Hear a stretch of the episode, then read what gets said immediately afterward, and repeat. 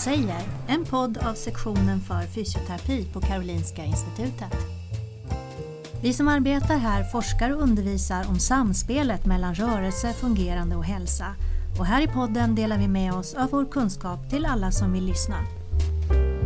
Fysion säger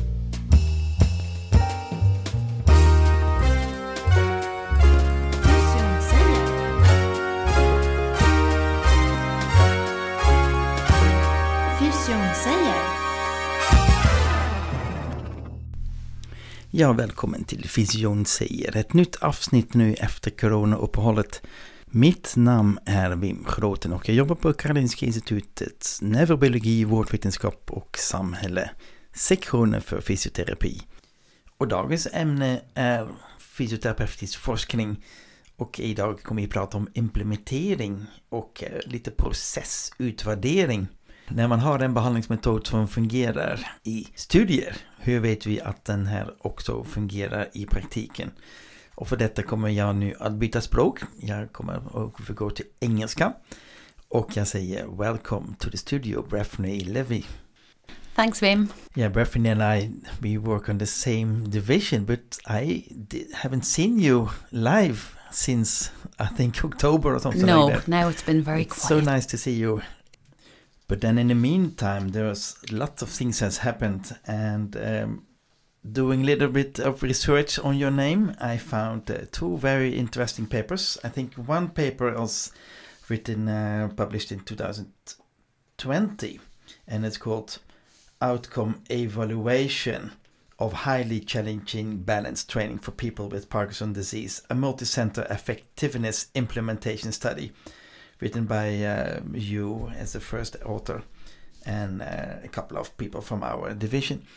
Uh, and then also I found another one, uh, 2021 published. So you really has been working hard. But I want to ask you about that email you received this week. What was Well, that? yesterday we got the great news uh, that we'd gotten some research money, from, Oh, uh, which is always great news when you're trying to drive projects forward. So now we've gotten a cash injection, which we can use to um, plan for the next three years. oh, that's so really that's- nice. yeah. Good news. Three years of research is uh, ready to go. And what will that be about then? Well, right now, what um, we are sitting planning is to to develop home training, which is based on the best evidence that we know for people living with Parkinson's disease. Um, so, what we want to do is we want to deliver home training, which not only challenges them to actually improve their how they move and their physical strength and their motor function as, as we would call it but also challenges their their cognitive function something which we would then call motor cognitive training. What we hope to do is to li- deliver this type of training in people's homes. When they want to do it they do it.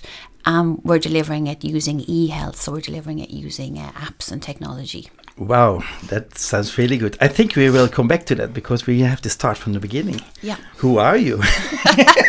I did some research. I know that you're from Ireland. Uh, from which town? Um, I come from, exactly. I come from Ireland. Um, I come from a little town called Portarlington, which most people have never heard of. No. Um, I usually say it's in the middle of Ireland. It's about an hour from Dublin, but it's actually an Irish, a general Irish joke that people say they're about an hour from Dublin because Ireland's really not that big anyway.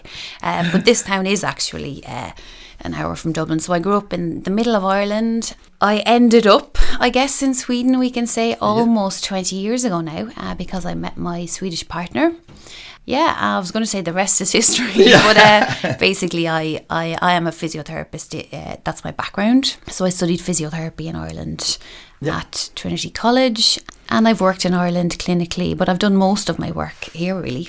Yeah, I read that you were uh, studying in Uppsala. You did your master and your PhD over there. Yeah. And when did you come to the KI? Well, exactly. I did my uh, master's and then my uh, PhD in Uppsala.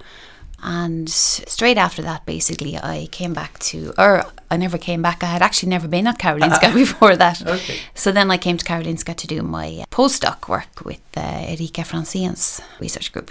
Yes, and I think uh, we will ask uh, Erika to, to join this pod uh, next time or during this spring anyway, because we need to know about this special training you have been studying the HiBalance program. I think people have heard about it. Back to the topic then today about implementation and uh, in the paper of 2020 you start with a very nice sentence. I don't know if you remember that sentence. It goes like this Once the efficacy and effectiveness of healthcare intervention has been established, the next step is to implement findings in order to reach typical patients. So, in this first sentence, there's a lot of words we need to talk about. Yeah. And maybe people have listened to the last pod of Clare Ardern. We were talking about physical therapy research in general. And in that pod, we, we found out that the RCT is n- maybe not that uh, suitable for physical therapy research, but it's the best we have. And if we talk about this efficacy, effectiveness, and implementation, Hmm. um, I believe this is the, the, the step after the RCT. Yeah, exactly. So uh, it's just exactly as you're saying that that sentence combines lots of tricky words and lots of words which maybe in regular language people would use effective for um, having efficacy. Um, but basically, that study that you bring up is looking at a, a phase in research which follows the randomized controlled trial. So, exactly like um, Claire was speaking about, the randomized controlled trial is is what we in research see as the gold standard in terms of actually trying to understand does something work? Yeah. Does this intervention work? Um, and to understand if something works, just to probably restate the obvious, we need to generally compare it to another type of condition. Yeah. Um, so the actual in the name randomized and controlled.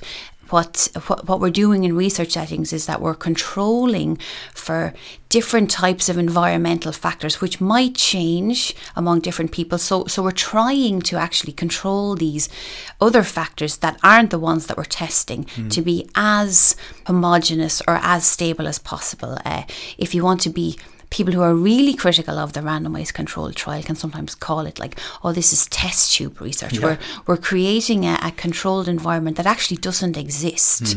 Um, a, a a common example would be that. Say my, my focus has always been older people, older adults in mm. general, in terms of physical activity or, or interventions.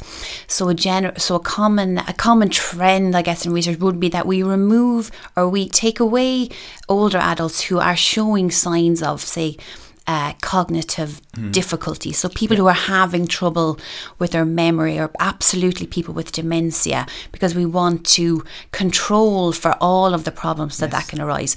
So if that's the randomized control type of say paradigm, that's basically what gives us researchers the best chance to show an effect Yes.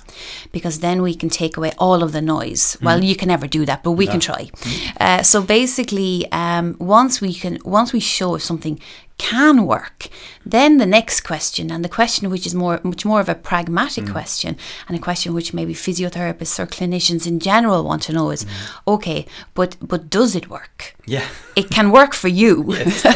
You're the super motivated researcher or PhD student, um, and you want to show a result because you've spent five years planning Yes. something, and your hair has turned grey, mm. and you're absolutely exhausted, and your money is Yeah. gone. And Yeah. now let's see if it works. But then in my in my everyday clinical setting, Mm. where I also have other patients and I have other worries, and people call in sick, and my kids call in sick, Yeah, yeah, are yeah. home sick, and Yeah, and it's winter and it's slippy out and you know like real world type of circumstances that's that's the effectiveness or the clinical effectiveness stage would come in there we would take an intervention we would then test it we would basically kind of let go of the reins Yeah. slightly so we, so we, mm. we we want to control it less and we want to control the environment less. We want mm. to bring it to more typical patients. And by Yes. typical, like say in the clinical environment, we, we generally wouldn't test someone's cognitive function and say, oh, you've only got 24 points. Okay. No, we're not going to we're not going to let you train this program in the group. But, but it's more so of a subjective type of, Yes. uh, and it's more of an inclusive, which it should be, Yeah. type of um, approach.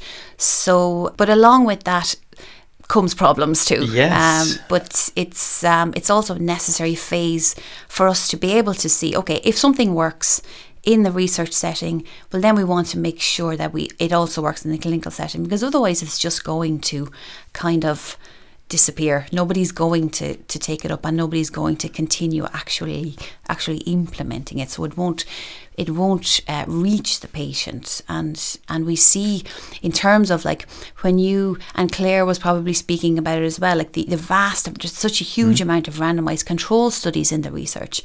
Um, and randomized control studies aren't they're not easy. N- nothing is easy. But they're not easy to do.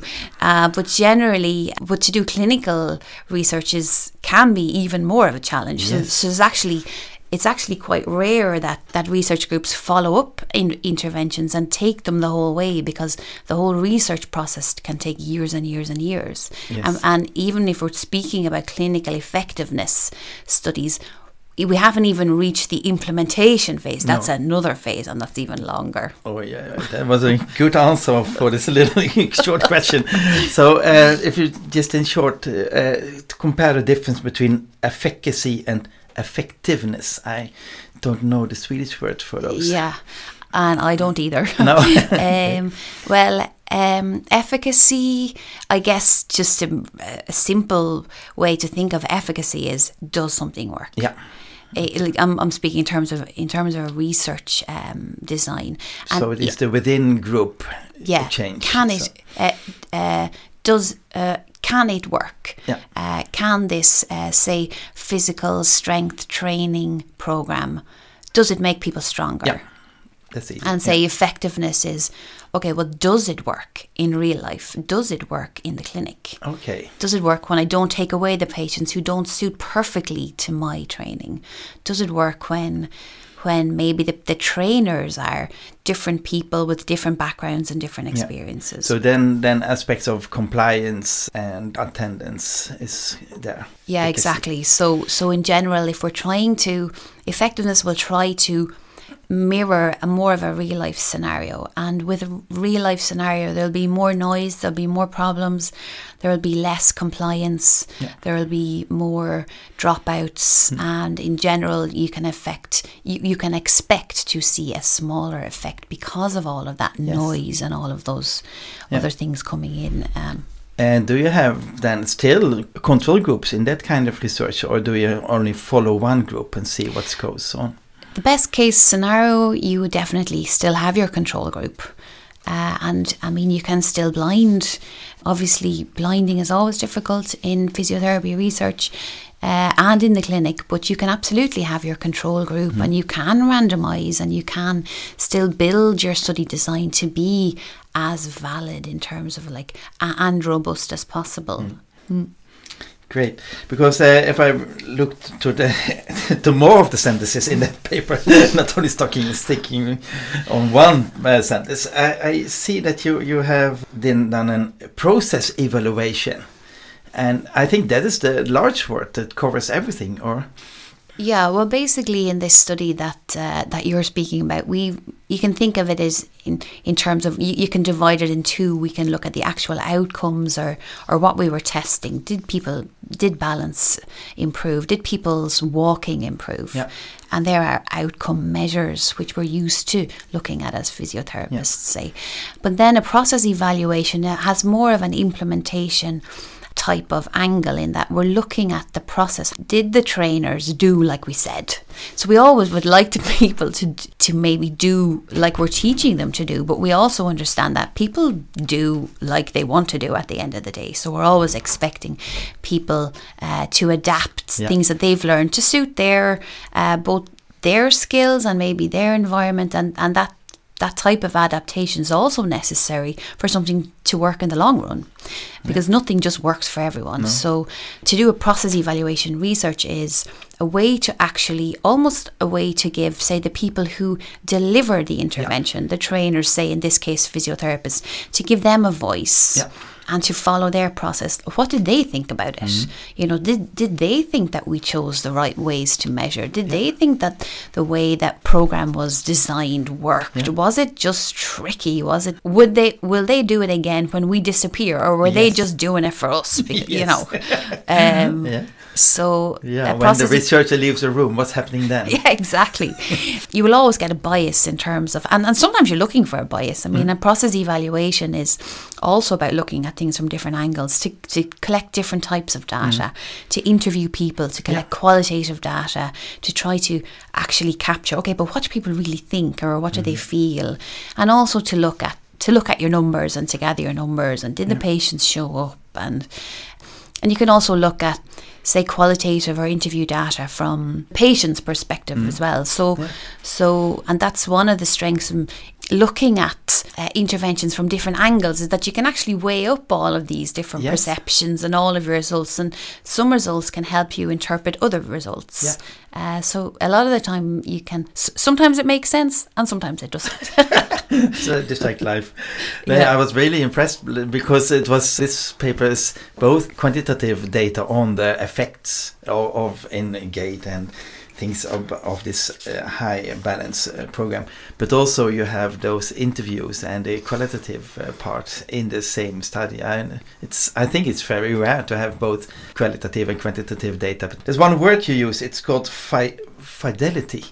Yeah. Uh, I think that's an important word to explain. Yeah, and fid- fidelity is it's a core characteristic, or say like um in this particular study, it was um was a way we would measure we we measure the process. So fidelity you can define as how close to the plan did you stick to the plan? Okay, did you stick Uh, to the plan? so did say in this case did the trainers actually deliver the intervention like we thought them Yeah. to deliver the Yeah, yeah. intervention Uh, so you always want a high level of fidelity whereas at the same time you're being realistic if you're working in this research paradigm you're thinking okay well people are never going to do exactly you know like you teach them or Mm. like you say and, and that's sometimes that's a good thing so fidelity is something that you would always have in mind if your if your aim is to spread research on a wider scale. Yeah. That you're trying to, um, at least as a researcher,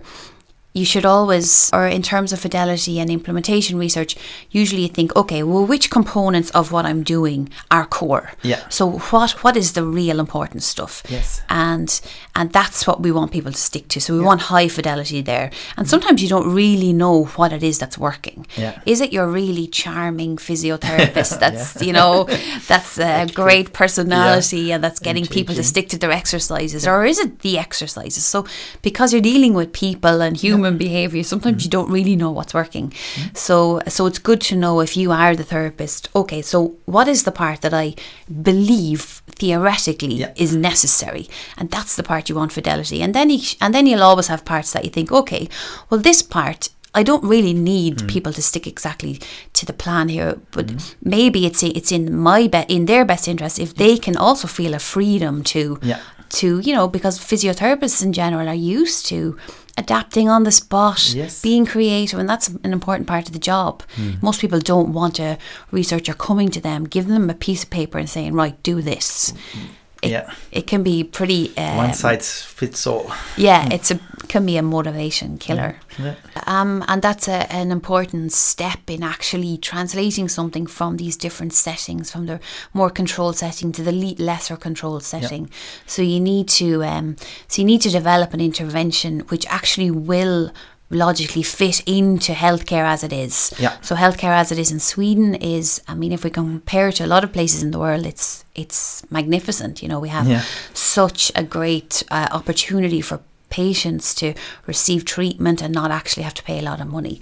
But we're still, uh, for people like Parkinson's disease, where which is the focus of, of, of our research, we're still the rehabilitation has to occur in, in primary care, uh, you know, primär vården, Yeah, yeah. uh, and then we're still always, you know, the money is important and the amount of visits and Mm-hmm. Yeah, yeah. payment and and so you'll always have to make adaptations and generally in implementation the first lesson in implementation is plan as you mean to continue so plan with the end in mind Yeah. so if you're planning if you're sitting as a physiotherapist or as a student or planning to sp- spread something you need to plan something that will actually fit into the current framework and i guess that's that's tricky because a lot of the time we know that we need patients need a lot more uh, training than than they can get paid for. So in the ideal sense we can do research and plan six month long interventions that will never work within the public system I think it's important if a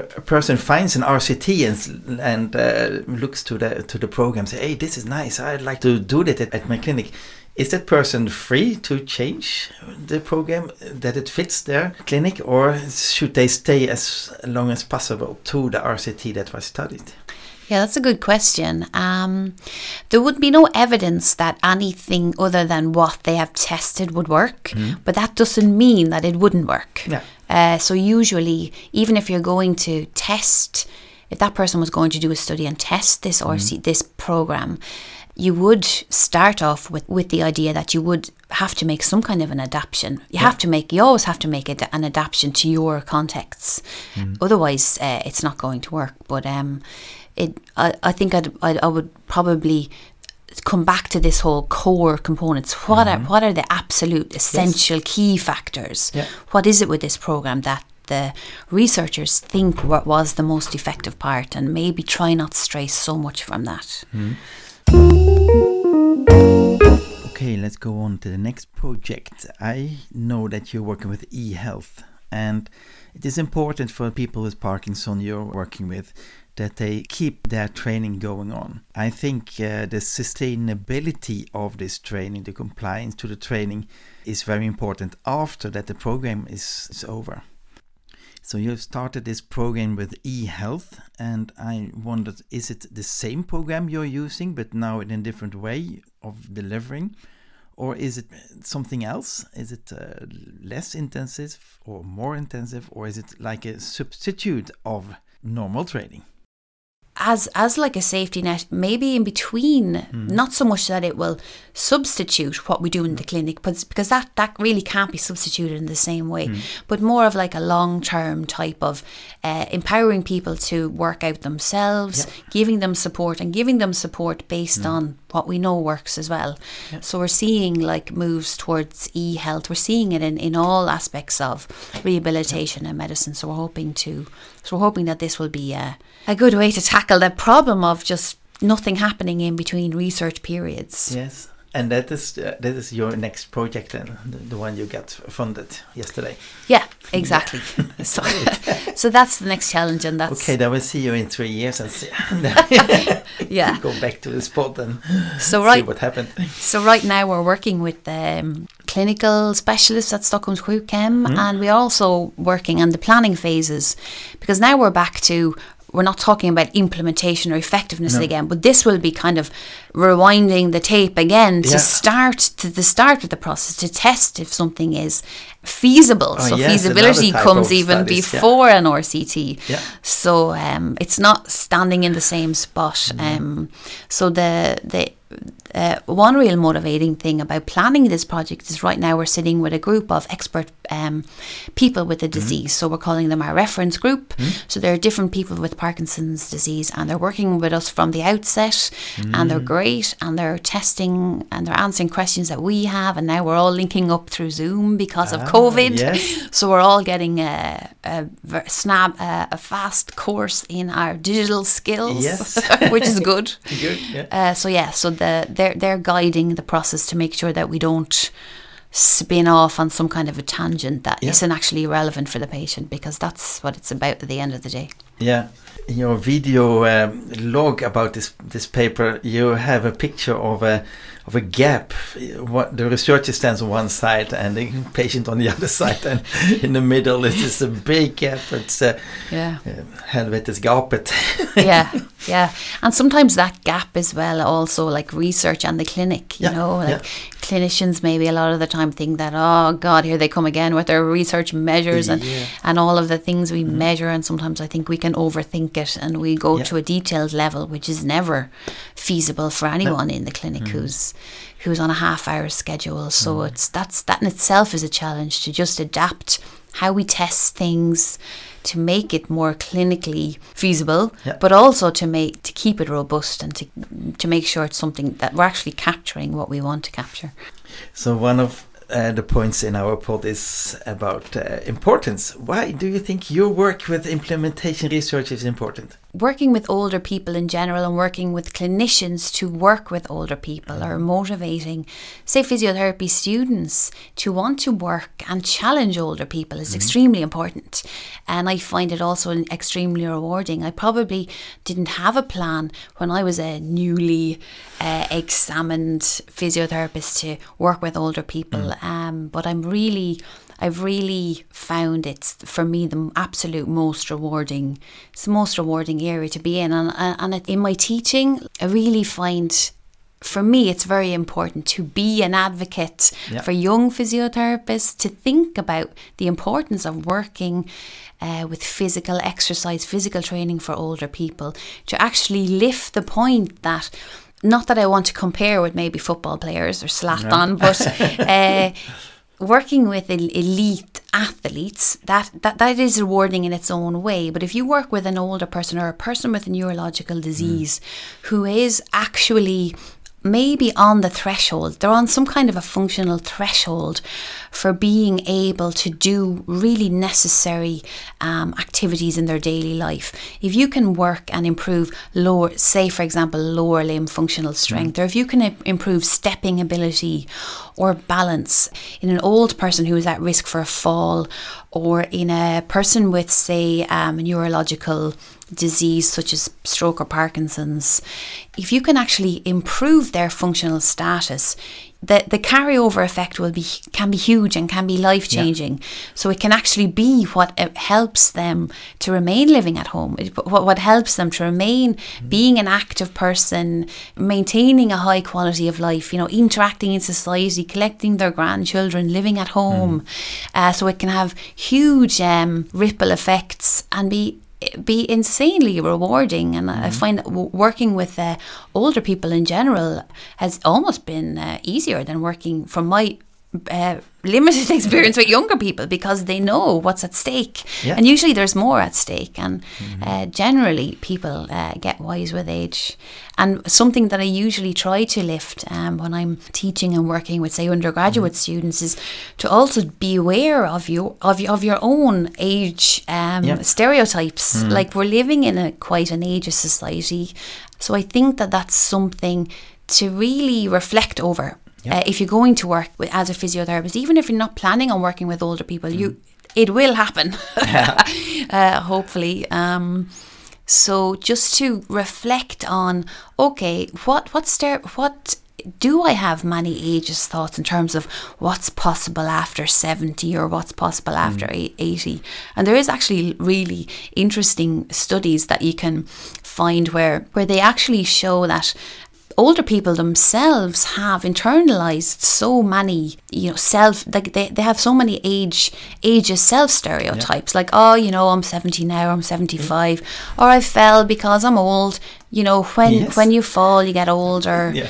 and you can actually find studies where they set up experiments and they can show that that if you set up an experiment where you're, for example, going to test someone's cognition or test someone's physical performance, uh, and if you if you set up um, whereby you uh, where, whereby the person who's testing Yeah. if they say something in a way so that they give the the older person an impression that they have an age related stereotype Yes. about them like if they say oh you know we don't normally do this type of test with someone at your age Or- but we'll do it anyway so so there is really interesting studies where where wh- when you do this, you actually can show that you have you can just by using that one phrase, you can actually um, affect someone's physical performance or their cognitive performance for the worse. Yeah. So then that person is. It's called stereotype threat, I think. I'm, I'm not a psychologist, but um, so that person, because they're so acutely aware of your beliefs about what they can achieve, that they do actually perform worse Yes. Or I, I just find it fascinating, I guess, mm-hmm. because a lot of the time, as a physiotherapist, you're in such an important position Yeah. to actually affect someone's motivation, mm-hmm. to affect, to try to affect their belief in what they can do, mm-hmm. and sometimes getting results, or a lot of the times, is very dependent on just actually tackling that belief. Yes. So tackling what someone thinks that they can Yeah. achieve is uh, just as important, maybe, as what they actually can. Like for example, we've seen that you can in- in ten weeks improve uh, balance in terms of what you can measure. You know, Yeah. the ob- the, the so-called objective measure. But whether you can, but it's not always as easy to actually improve someone's belief eh, or some or how they feel about their balance. So that that requires a different type or extra an extra type of effort to actually get in there and give them feedback and make them reflect. So really important message both teaching and and in research mm. and working with clinicians who are usually really skilled at this. Yes. You know, f- physiotherapists in general are usually skilled at getting, you know, seeing wh- what it is that motivates mm. someone, trying to get to the to the core of what's important for them. This was a really nice finish of this pod. Thank you very much, Breffney. Thanks, Wim. Thanks for having me.